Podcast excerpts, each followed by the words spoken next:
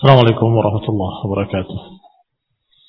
إن الحمد لله نحمده ونستعينه ونستغفره ونعوذ بالله من شرور أنفسنا ومن سيئات أعمالنا من يهده الله فلا مضل له ومن يضلل فلا هادي له وأشهد أن لا إله إلا الله وحده لا شريك له وأشهد أن محمدا عبده ورسوله صلى الله عليه وعلى آله وأصحابه والتابعين وتابع التابعين ومن تبعهم بإحسان إلى يوم الدين.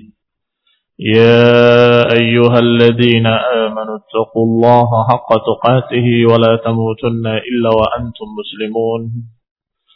يا أيها الناس اتقوا ربكم الذي خلقكم من نفس واحدة وخلق منها زوجها وبث منهما رجالا كثيرا ونساء. واتقوا الله الذي تساءلون به والأرحام. إن الله كان عليكم رقيبا.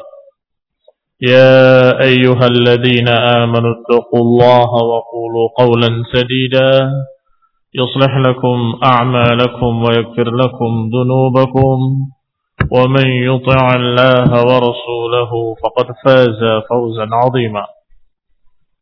أما بعد فإن خير الحديث كتاب الله وخير الهدي هدي محمد صلى الله عليه وعلى آله وسلم. وشر الأمور محدثاتها فإن كل محدثة بدعة وكل بدعة ضلالة وكل ضلالة في النار. أخواني في الدين أعزكم الله كمسلمين سهرمتي قال رحمه الله بركة الشارح يمن شرح كتاب العقيدة الطحاوية وهو ابن عبد العز الحنفي رحمه الله. Setelah mengucapkan dengan kalimat yang kemarin kita baca yakni ucapan beliau rahimahullah wala an yalqal 'abd rabbahu bi kulli dhanbin ma khala al-ishrak billahi khairun aw khairan lahu min an yalqahu bi hadhihi al-hal. Ucapan terakhir beliau adalah ucapan para ulama yang lain sama. Ucapan-ucapan para ulama semakna dengan ini. Sebagaimana di antaranya ucapan Imam Syafi'i rahimahullah bahwa kalau bertemu Allah Subhanahu wa taala seorang hamba dengan segala macam dosa kecuali syirik lebih baik daripada dia datang dengan pemikiran yang telah kita bahas kemarin. Apa itu pemikiran apa? Lebih mementingkan akal di atas Quran dan Sunnah dan mengukur kebenaran ayat dan hadis dengan akalnya. Kalau bertentangan akal ditolak. Kalau sesuai dengan akal diterima.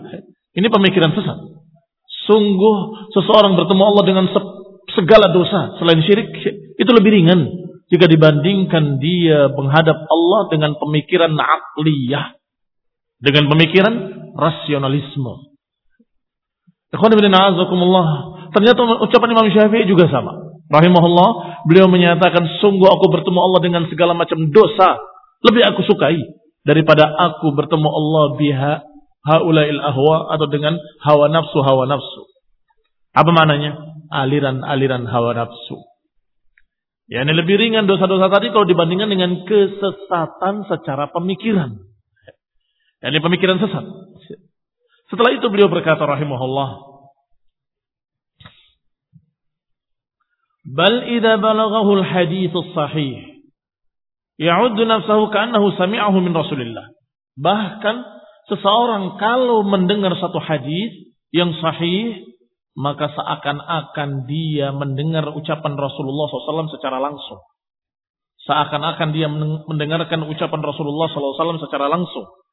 Fahal yasughu an yu'akhir qabuluhu wal amal bihi.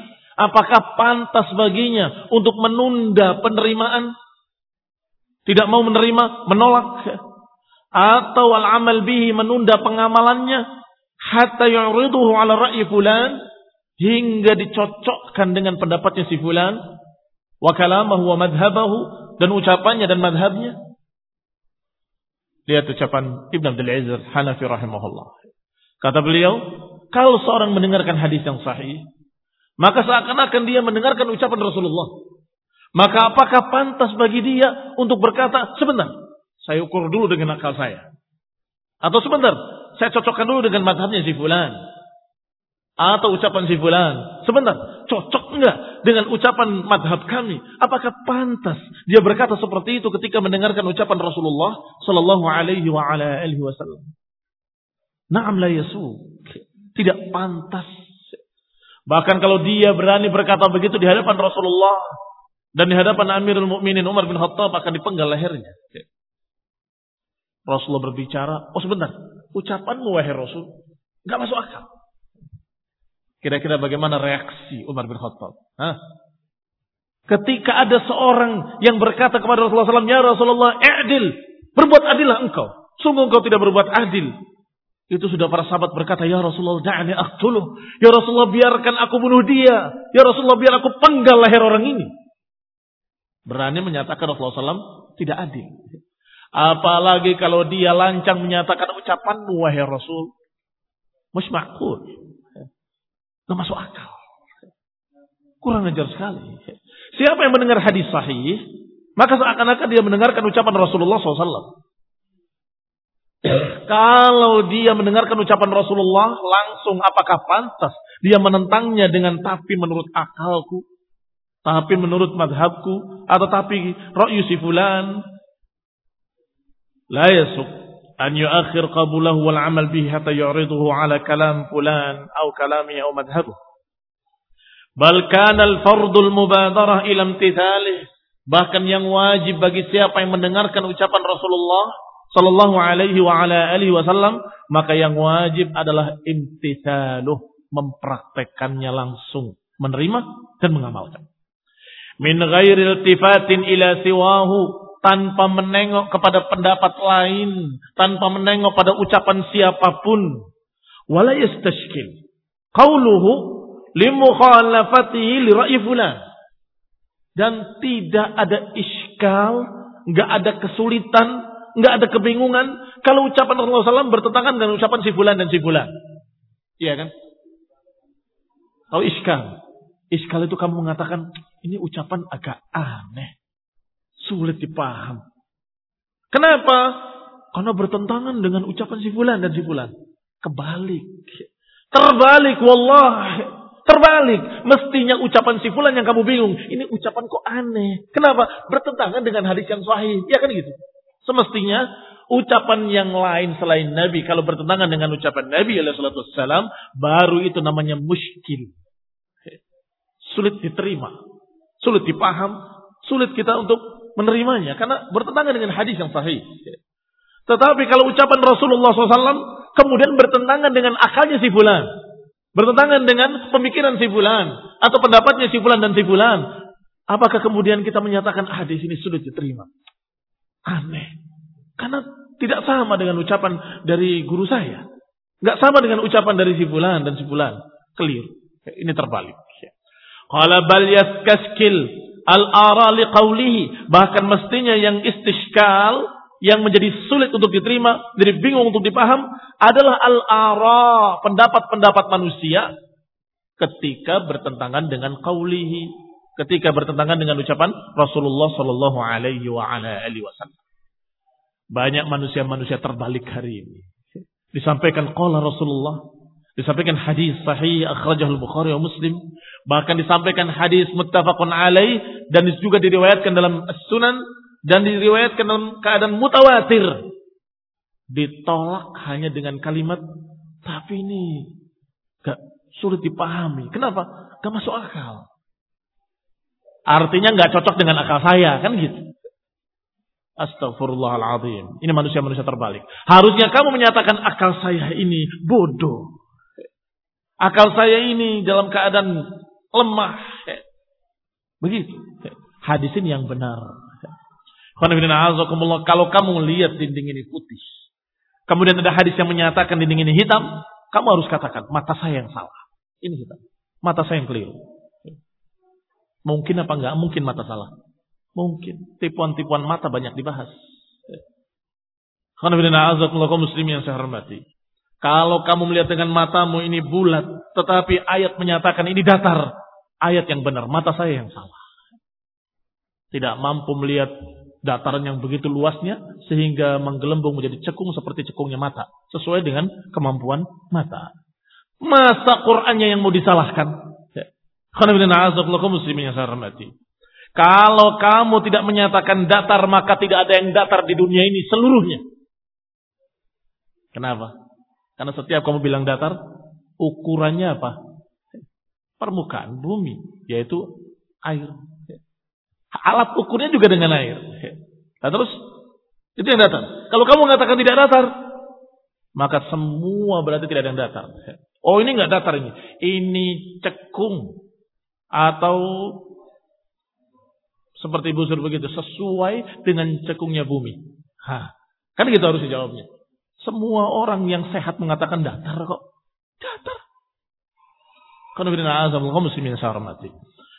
Kaum muslimin, khawanifiddin azakumullah. Maka yang namanya qaulullah wa qaulur rasul pasti pasti pasti benar. Dan pasti pasti cocok dengan akal kalau akal itu sehat. Wala yu'arud nasuhu biqiyas. Dan jangan sekali-kali menentang ucapan Rasul dengan kias-kias. Kias-kias akli tentunya. Kias-kias akli itu yang sering saya contohkan. Bukankah, bukankah, bukankah, berarti, berarti, berarti. Kalau begini, berarti begitu. Kalau begitu, berarti begitu. Itu kias-kias akal. Bal nahdir al-aqisah. Wadatalakkan ususahu. Bahkan kita gugurkan kias-kias akal tadi. Kita tinggalkan kias-kias akal. Kita terima nas nas Al-Quran. Kita terima nas-nas Al-Quran. Bukankah kalau kita mau menemui presiden atau pembesar, bukankah kita perlu perantara-perantara? Perlu orang-orang dekatnya. Perlu kita cari orang yang paling dekat dengan dia menjadi wasilah. Demikian pula kepada Allah, kita perlu perantara orang-orang terdekatnya. Dan ini orang terdekat, orang soleh yang dikubur ini. Itu kias-kias batil. Menyamakan Allah dengan makhluk, menyamakan makhluk dengan Allah. Dan mengukur Allah dengan ukuran-ukuran makhluk. Makhluk tidak arham rahimin. Sehingga susah kamu minta. Kecuali harus pakai perantara-perantara. Makhluk tidak sami'un alim. Tidak maha mendengar, maha melihat. Sehingga perlu disampaikan oleh perantara-perantara. Sedangkan Allah laisa kamitslihi syai' wa huwa samiul basir. Allah tidak sama dengan makhluk mana pun dan Allah Maha mendengar, Allah Maha melihat, Allah Maha mengabulkan doa, Allah Arhamur Rahimin, Maha pengasih lagi Maha penyayang, maka doalah langsung kepada Allah Subhanahu wa taala. Enggak usah pakai perantara-perantara. Kias-kias tadi, dari mana sumbernya? Bukankah kalau kita menghadap presiden harus pakai perantara? Dari mana itu? Akal. Akal nas. Dari akal-akal manusia. Maka akibatnya dia jadi sesat, jatuh ke dalam kesyirikan karena memakai kias-kias. Bal al-aqisah wa natalaqqan nususahu. Kita tinggalkan kias-kias akal tadi dan kita terima nas-nas Al-Qur'an was sunnah. Kita terima dalil-dalil dari Allah dan Rasulnya Wala nuharrifu kalamahu. Jangan kita selewengkan makna-makna ucapannya. An haqiqatihi. Jangan diselewengkan dari makna-maknanya yang menurut merupakan makna hakiki. Jangan diselewengkan pada makna-makna lain. Li khayalin. Hanya karena satu khayalan. Yusammihi ashabuhu ma'qulan. Hanya karena satu khayalan yang dinamakan oleh pengikutnya, penganutnya dinamakan khayalan tadi al-uqul, akal-akal. Yani yusammunahu aklan. Mereka menamakannya sebagai akal. Padahal itu khayal. Khayalan pikirannya dia. Kalau begini nanti begitu. Kalau begitu nanti begini. Masa? Gak mungkin. Kalau Allah begini berarti begitu. Gak mungkin. Ini ayat yang memberitakan. Ya tapi mustahil. Astagfirullahaladzim. Ini hadis sahih mutawatir. Ya tapi kalau gini berarti kan Allah begitu. Astagfirullahaladzim. Itu khayalanmu yang batil. Jangan diselewengkan ke sana. Pahami apa yang ada dalam Quran dan Sunnah dengan bahasa Arab dan kemudian kita katakan wallahu taala alam kaifiyahnya. Kayak apanya yang kita tidak tahu. Kita membahas masalah akidah dan lebih khusus lagi masalah asma sifat. Ya, ini contohnya paling tepat adalah itu. Kalau kita berbicara tentang ayat Allah Subhanahu wa taala yang memberitakan tentang Allah. Allah memiliki tangan. Allah melihat dengan pandangan. Allah menggenggam bumi, qabdatuhu yaumal qiyamah. Mau diapakan? Mau kita katakan mustahil, masa Allah punya tangan jari jemari bisa menggenggam, nanti sama dengan makhluk. Ini akal sehat, maka kita harus tolak ayat ini atau kita takwilkan supaya sesuai dengan akal. Kita katakan sebentar. Jangan sembarangan. Yang tadi kamu katakan berarti-berarti itu bukan dalam Quran, dalam khayalanmu, dalam kepalamu. Itu yang salah. Kalau Allah menggenggam bumi bukan berarti berarti berarti itu khayalanmu. Kita katakan tidak tahu kayak apa menggenggamnya seperti tak menggenggam. Yang jelas tidak sama dengan makhluk menggenggam sesuatu, tidak sama. Abadan abidin. Ya. Gak sama. Laisa kami Kamu sendiri yang membayangkan, kemudian kamu sendiri yang menolak. Kemudian menamakan khayalannya dengan akal. Kita makhluk-makhluk yang berakal. Maka kita tidak bisa menerima perkara-perkara yang tidak sesuai dengan akal. muslimin yang saya hormati. Itu bukan akal, itu khayalanmu sendiri, bayanganmu sendiri. Kamu membayangkan sesuatu yang salah, kemudian ayat yang ditolak. Ketika Allah menyatakan Ar-Rahmanu 'alal 'arsy istawa, kemudian Allah Maha tinggi di atas arasnya. Mulai akalnya berpikir lagi. Kalau di atas arasnya berarti menempati tempat. Kalau menempati tempat berarti tempatnya lebih luas dari Allah. Berarti, berarti, berarti. Masa ada yang lebih tinggi dari Allah? Mustahil. Nggak mungkin. Berarti ini bukan Allah di atas aras. Kok ayatnya yang ditolak? Akal khayalanmu tadi yang kamu tolak mestinya. Ah, nggak mungkin begitu. Pokoknya ayat benar. Allah di atas arasnya. Tapi kayak apa? Tidak tahu. Seperti apa? Tidak tahu. Pokoknya Allah maha tinggi di atas seluruh makhluk-makhluknya. Di atas makhluk-makhluk ini semua ada langit. Di atas langit ada langit yang lebih tinggi. Ada langit sampai langit yang ketujuh. Di atasnya ada arus. Di atas ada kursi. Dan Allah maha tinggi di atas seluruh makhluk-makhluk tadi. Selesai kan? Tapi kan bukankah bukankah berarti berarti sudah itu khayalanmu. Katakan saya tidak tahu yang gaib. Sehingga apa yang diberitahu oleh Allah, sami'na wa ta'na. Apa yang Allah kasih tahu dalam Al-Quran bahwa Ar-Rahman alal arsh istawa, bahwa Ar-Rahman maha tinggi di atas arusnya, maka kita katakan sami'na wa ta'na dan kita katakan aman nabihi kullun min indi rabbina. Kami beriman dengannya, kami percaya karena ini dari Allah. Lihat Orang-orang menolak ayat tadi ternyata dengan khayalannya sendiri. Alladhi yusammunahu aklan yang mereka namakan akal. Padahal itu khayal. Li khayalin yusammihi ashabuhu ma'qulan. Na'am huwa majhul. Iya itu bukan ma'qul itu majhul. Kebodohan. Wa sawabi ma'zul. Yang jauh dari kebenaran. Khayalan mereka bukan ma'qul tetapi majhul dan khayalan mereka bukan ma'kul tetapi ma'zul, ma'zul anis sawab, jauh dari kebenaran. Wala yuqif qabulahu qawluhu ala muwafaqati fulanin duna fulan kainan man kana. Maka jangan kita bergantung untuk menerima hadis Nabi, untuk menerima ucapan Nabi, jangan bergantung dengan kecocokan ucapan fulan atau fulan. Sebentar, saya menerima kalau cocok dengan madhabnya Imam Syafi'i. Saya mau nerima kalau cocok dengan madhab hambali. Saya mau nerima kalau cocok dengan madhabnya maliki. Loh, ini yang disampaikan hadisun sahih. Dikeluarkan dalam kitab-kitab sahih. Kemudian kamu tidak mau menerimanya kecuali kalau cocok dengan madhabmu. Aneh. Harusnya dibalik. Madhabmu jangan diterima kalau tidak cocok dengan hadis. Madhab apa pun kalian madhab apa pun kita, syafi'i atau maliki atau hambali, kalau bertentangan dengan hadis yang sahih, salah satu pendapatnya, kita tolak. Kalau cocok dengan ucapan Rasulullah SAW, cocok dengan hadis yang sahih, kita terima. Kainan mankan, siapa pun itu. Berkata Imam Ahmad rahimahullah, Haddatsana Anas ibn Iyad, qala haddatsana Abu Hazim an Amr ibn Shu'aib. Dari ayahnya, dari kakeknya. Qala laqad jalastu ana wa akhi majlisan.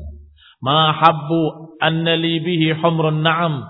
Sungguh aku pernah hadir aku dan saudaraku dalam satu majlis. Satu majlis yang sungguh aku lebih suka majlis itu daripada aku memiliki unta merah. Berarti majlis yang berharga. Karena majlis yang kata dia, kalaupun ditawari gantinya dengan unta merah, unta yang paling mahal, kendaraan yang paling mewah, sungguh aku lebih memilih majlis itu. Akbal tu ana wa akhi. Yaitu aku datang dengan saudaraku. Wa idha masyikhatun min ashabi Rasulullah SAW julusun inda babin min abwabih. Maka ternyata di sana ada syekh dari sahabat-sahabat Rasulullah sallallahu alaihi wasallam yang sedang duduk-duduk di sisi pintu dari pintu-pintunya. Fakarihna an nufarriq bainahum. Maka kami pun gak suka kalau memisahkan antara mereka yang sedang duduk-duduk dari para sahabat tadi. Fajalasna hajratan. Maka kami pun duduk hajratan. Hajrah ini terpisah. Kami duduk terpisah, jauh. Munfaridi, al munfaridain kena dua. Kenapa khawatir membuyarkan majlis sahabat-sahabat tadi? Kalau duduk pasti sahabat akan silakan silakan akan memperluas daerahnya dan sebagainya. Karena aku khawatir tidak mau mengganggu mereka dan memecah duduk mereka, maka kami duduk agak jauh. Idzakaru ayatan minal Qur'an. Ternyata mereka sedang menyebut ayat minal Qur'an. Fatamarau fiha. Kemudian mereka berdiskusi padanya. Hatta rtafa'at aswatuhum. Hingga mereka suaranya keras. Dalam diskusi itu tentang ayat tadi. Fakharaja Rasulullah sallallahu alaihi wa ala alihi wasallam mughdaban. Qad ihmarra wajhuhu. Maka tiba-tiba Rasulullah keluar dalam keadaan marah, merah mukanya melihat mereka berdebat sampai suaranya keras. Wa yarmihim bit-turab dan melempar mereka dengan pasir. Wa yaqulu mahlan ya qaum bihadza ahlakatil umam min qablikum Tenang, tenang, wahai ummah. Tenang, tenang, wahai kaum. Sesungguhnya binasanya orang-orang terdahulu, umat-umat terdahulu, karena dengan model-model yang demikian. Berdebat, berbantah-bantahan. Bikhtilafihim ala anbiyaihim. Yani mereka menyelisihi nabi-nabi mereka. Wadarabahumul kitab ba'daha bi ba'd dan membenturkan antara satu ayat dengan ayat lain, membenturkan antara kitab dengan kitab, Al-Qur'an sebagian dengan sebagian yang lain. Innal Qur'an lam yanzil yakdzib ba'dahu ba'dha. Sesungguhnya Quran ini tidak turun untuk mendustakan sebagian terhadap sebagian yang lain. Bal yasduqu ba'dahu ba'dha. Bal yusaddiq ba'dahu ba'dha bahkan sebagian membenarkan sebagian yang lain. Al-Qur'an ayat-ayatnya yang satu dengan yang lain saling membenarkan. Bukan saling mendustakan. Bukan saling membantah. Maka kalau kalian berdebat yang sini pakai Quran, sana pakai Quran, bantah dengan Quran, yang satu membantah dengan Quran lagi, maka ini sungguh bertentangan dengan apa yang diturunkan Al-Quran untuknya. Bahwa Al-Quran, ayat dengan ayat yang lain saling membenarkan. فَمَا minhu fa'manu bih. Lanjutan ucapan Nabi SAW, apa yang kalian kenali dari Al-Quran, kerjakan. Wa majahiltum minhu farduhu ila alimihi. Maka apa yang kalian tidak ketahui, kembalikan kepada yang alim. Ila alimihi. Debat bantah-bantahan, membenturkan ayat dengan ayat lain, ini bukan sunnah dan dilarang oleh Rasulullah SAW dan Rasulullah marah melihat mereka berdebat. Sehingga beliau menyatakan bahwa Quran ini diturunkan untuk membenarkan satu dengan lainnya. Bukan untuk dibenturkan satu dengan lainnya. Al-Quran turun tidak saling mendustakan. Ayat-ayat Al-Quran turun dalam keadaan saling membenarkan, saling mencocoki. Maka apa yang kalian ketahui, kerjakan. Apa yang kalian belum ketahui, kembalikan kepada alimnya. Karena itu di zaman Rasulullah SAW, maka kembalikan pada Rasulullah SAW. Rudduhu ilallahi wa rasul. Khan bin demikian dikatakan oleh muhakkik hadis ini hasan. Disebutkan dalam musnad dan juga disebutkan oleh Ibnu Majah dalam sunannya. Wa qad hasanahu syaikhuna fi tahqiq tafsir Ibnu Katsir dan telah ditahqiq dan dihasankan oleh syekh kami kata muhakkik. Muhakkiknya adalah muridnya Syekh Mukbil rahimahullah. Berarti yang dimaksud syekhnya adalah Syekh Mukbil rahimahullahu taala. Wa ghafarallahu lahu. Berarti di sini Rasulullah SAW marah ketika mereka membenturkan ayat dengan ayat lain. Kalau kalian menolak satu ayat, ini mustahil gak masuk akal. Mungkin maknanya begini. Diselewengkan dan ditafsirkan kepada makna-makna lain yang batil. Pasti ujung-ujungnya akan bertentangan dengan ayat lain. Iya kan? Seperti ayat tadi Ar-Rahman arsy Kalau ditolak, nggak mungkin Allah di atas arasnya. Maksudnya Allah menguasai aras. Sedangkan Allah di mana-mana. Nanti bertentangan dengan Allah Subhanahu wa taala, "Sabbihisma rabbikal a'la." Sucikanlah Allah yang maha tinggi. Loh, katanya di sini. Kok maha tinggi? Kalau tinggi kan di atas. Akan bertentangan dengan sekian puluh, sekian ratus ayat yang mensifati Allah maha tinggi, mensifati Allah di atas, mensifati Allah di atas aras, di atas langit. Amin tuman fis sama. Apakah kalian tidak takut dengan yang di langit? Siapa yang dimaksud? Allah yang di ketinggiannya, yakni di atas langit. Kaum muslimin yang saya hormati. Kalau yang satu diselewengkan maknanya hanya dengan alasan tidak masuk akal. Akan terjadi pertentangan antara ayat dengan ayat yang lainnya. Dan itu darb. Al-Quran ba'duhu ba'da. Fahada la yajuz. Dan ini yang membuat murka. Dan marahnya Rasulullah Sallallahu alaihi wa ala alihi wasallam. Hatta marrat ainahu. Hingga merah mata beliau. Wala syakka anna Allah qad harrama al-qawla alaihi bighairi ilm. Dan tidak ragu lagi bahwa Allah Subhanahu wa taala telah mengharamkan kita untuk berbicara atas namanya tanpa ilmu. Haram hukumnya seseorang berbicara atas nama Allah tanpa ilmu. Sebagaimana Allah katakan, "Qul innama harrama rabbiyal fawahisha ma dhahara minha wa ma batan wal itsma wal baghya bighairil haqqi wa an tusyriku billahi ma lam yunazzil bihi sultana wa an taqulu 'ala Allahi ma la ta'lamun." Katakan, sesungguhnya hanya saja yang Allah haramkan atau yang Rabbku haramkan adalah fahisyah-fahisyah dosa-dosa yang lahir maupun yang batin yang tampak ataupun yang tidak tampak dan juga keboliman-keboliman tanpa kebenaran dan juga engkau berbuat kesyirikan yang tidak ada hujah baginya sama sekali. Allah nggak pernah turunkan sultan. Dan yang terakhir, wa antaqulu 'ala.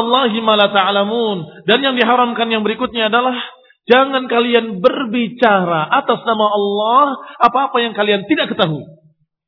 Sok tahu. Ini mungkin maksudnya Allah begini. Ini maksudnya mungkin bukan tangan. Itu atas nama Allah. Dia berbicara tentang Allah. Tetapi tanpa ilmu dengan tebakan-tebakan. Sepertinya maksudnya begitu. Sepertinya maksudnya begini. Kayak-kayak maksudnya begini. Astagfirullah.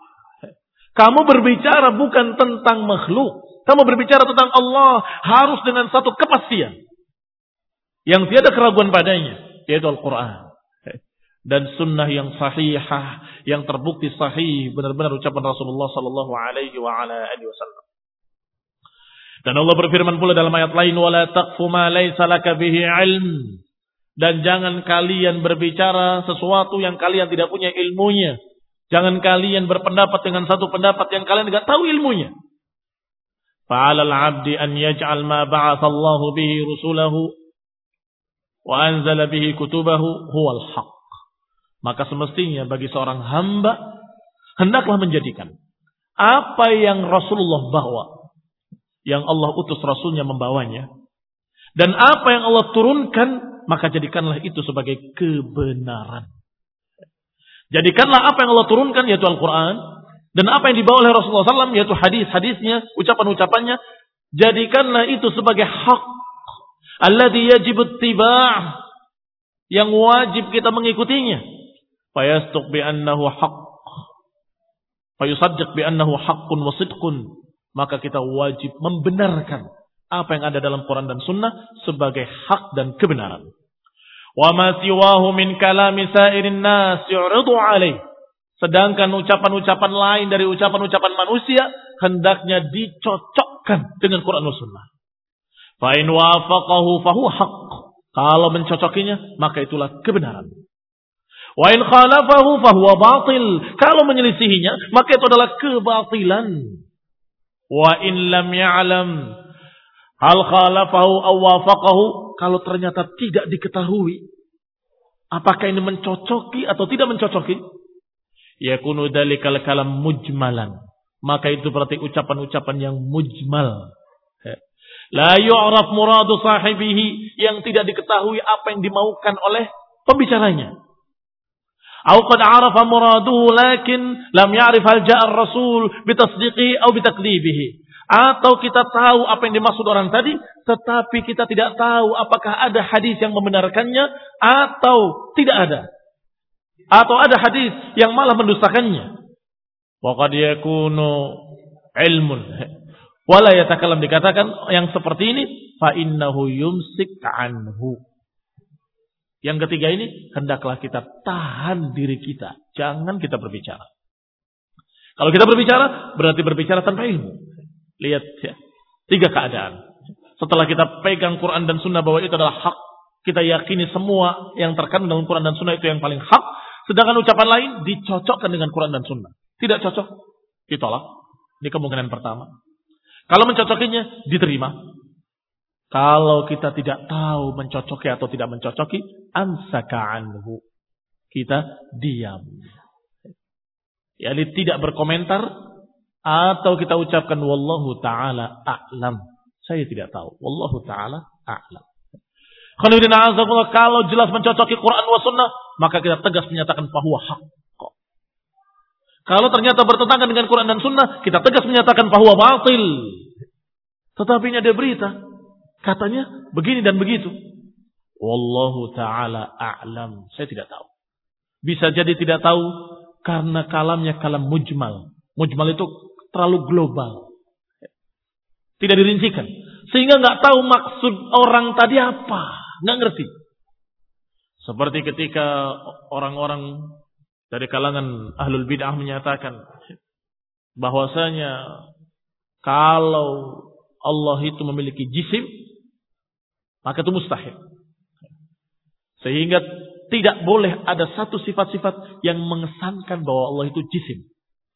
Kalau punya tangan, ya kaki, itu berarti Allah jisim.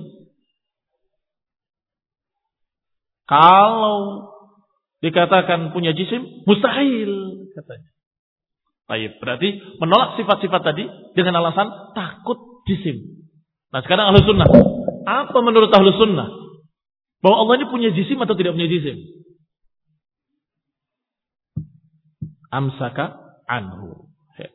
Tidak berani kita menjawab Iya, tidak berani pula kita menjawab tidak. Kenapa? Maksudmu apa? Bilang gitu itu. Kalau maksud jisim itu artinya tidak punya tangan, kita bantah. Allah menyatakan dirinya tanganku tanganku. Dan Allah menyatakan yadullah fauqa aydihim. Tangan Allah di atas tangan mereka. Kalau maksudnya itu saya menolak. Tapi kalau maksudnya jisim itu artinya seperti berhala, patung atau seperti manusia, Kalla wallah. Tidak mungkin. Maha suci Allah. Tidak mungkin sama dengan makhluk-makhluk. Berarti bagaimana dijawabnya? Butuh rincian dulu maksudmu apa? Karena kalam mujmal. Kalau ucapannya ucapan mujmal, ucapan global yang kita tidak tahu maksud si pembicaranya apa, ansaka anhu. Kita tahan lidah kita untuk tidak menyatakan ya atau tidak. Wallahu taala alam. Saya mau tahu dulu maksudmu apa itu jisim-jisim tadi. Kalau maksud jisim seperti kita ini, ya nggak mungkin. Allah tidak sama dengan makhluknya. Tetapi kalau maksudnya jisim adalah bahwa Allah Subhanahu wa taala dalam Al-Qur'an menyatakan tangan Allah di atas tangan mereka, bahwa Allah Subhanahu wa taala menyingkapkan nanti betisnya yaumul qiyamah atau Allah Subhanahu wa taala mengawasi dengan matanya. Ini ayat-ayat yang waridah dalam Quran, yang tersebut dalam Quran yang wajib kita imani. Mau kalian bilang jisim ataupun mau kalian bilang apa pun terserah. Tetapi kalau maksudnya sama dengan makhluk, tidak. Tidak sama dengan makhluk. Tangan Allah tidak sama dengan tangan makhluknya. Mata Allah tidak sama dengan mata makhluknya. Semua apa dari sifat-sifat Allah tidak sama dengan sifat-sifat makhluk. Laisa kamislihi syai. Wahuwa sami'ul basir. Maka yang ketiga, yumsik anhu. Wala yatakallam illa bi'ilmin. Dan kita tidak berbicara kecuali dengan ilmu. Wal ilmu maqama alaihi dalil. Dan yang namanya ilmu adalah yang tegak padanya dalil-dalil. Wan nafi' minhu ma ja'a bihi rasul dan ilmu yang bermanfaat adalah ilmu yang dibawa oleh Rasulullah sallallahu alaihi wa ala alihi wasallam. Wa qad yakunu ilmun min ghairi rasul lakin fil umur dunyawiyah. Tapi bisa pula ada ilmu yang bukan dari Rasul tetapi itu ilmu-ilmu dunia. Ilmu-ilmu dunia bisa jadi. Ilmu jahit menjahit, ya belajar dari si fulan. Nah, tetapi kalau ilmu din dari Rasulullah SAW. Lakin fil umuri dunyawiyah mungkin bukan dari Rasul. Misal tib seperti kedokteran, wal hisab, hitung menghitung, wal fallaha, pertanian, wa amal umurul ilahiyah, adapun urusan-urusan agama, urusan ketuhanan, urusan ilah, wal ma'arif ad-diniyah atau pengetahuan-pengetahuan agama, din, maka ilmunya hanya dari Allah melalui Rasulullah SAW. Fahadihil ilm fiha ma ukhidha 'anil rasul. Maka ilmu tentang agama adalah ilmu yang diambil dari Rasulullah sallallahu alaihi wa ala alihi wasallam la min ghairihi, tidak diambil dari yang lainnya. Allah taala a'lam. demikian kesimpulan terakhir dari ucapan beliau Ibn Abdul Aziz Al-Hanafi ketika mensyarah ucapan Abu Ja'far At-Tahawi rahimahullahu taala. Kalimat berikutnya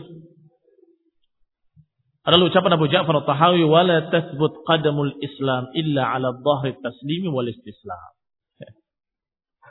Maka kata Abu Ja'far At-Tahawi tidak akan kokoh kaki keislaman kecuali di atas pondasi taslim wal istislam. Taslim tunduk. Istislam menyerah, pasrah. Pondasi keislaman gak akan kokoh Kaki-kaki keislaman kita nggak akan kokoh, sabit kecuali dengan pondasi taslim wal istislam. Kalau nggak ada taslim, nggak ada ketundukan, nggak pasrah, nggak tunduk pada kata Allah, kata Rasul, maka nanti bangunan keislamannya akan runtuh. Bangunan keislamannya akan runtuh alias kafir. Ujung-ujungnya dia keluar dari agama. Ujung-ujungnya dia ya minad din. Kama Minar ramiyah. Akan keluar seperti keluarnya anak panah dari buruannya. Masuk dari satu sisi, keluar dari sisi lain. Masuk dengan asyhadu la ilaha illallah Muhammad Rasulullah, keluar dengan menyatakan bahwa Allah tidak memiliki sifat. Masuk Islam dari satu sisi, asyhadu la ilaha illallah sudah Muhammad Rasulullah, keluar lagi dengan kalimat bahwa Allah tidak memiliki sifat apa pun. Kalau Allah memiliki sifat, nanti seperti makhluk, mustahil katanya. Berarti naudzubillah masuk dari satu sisi, keluar dari sisi lain.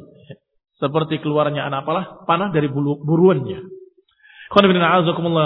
Kaidah yang kedua ini atau kaidah yang disebutkan oleh Abu Ja'far dalam matanya akan dibahas pula insyaallah secara ringkas oleh beliau rahimahullah kita akan baca pada kajian mendatang باذنillah taala bahwa kaki keislaman gak akan kokoh tanpa taslim ketundukan. Allah taala alam. Subhanahu wa ta'ala. Wassalamualaikum warahmatullahi wabarakatuh.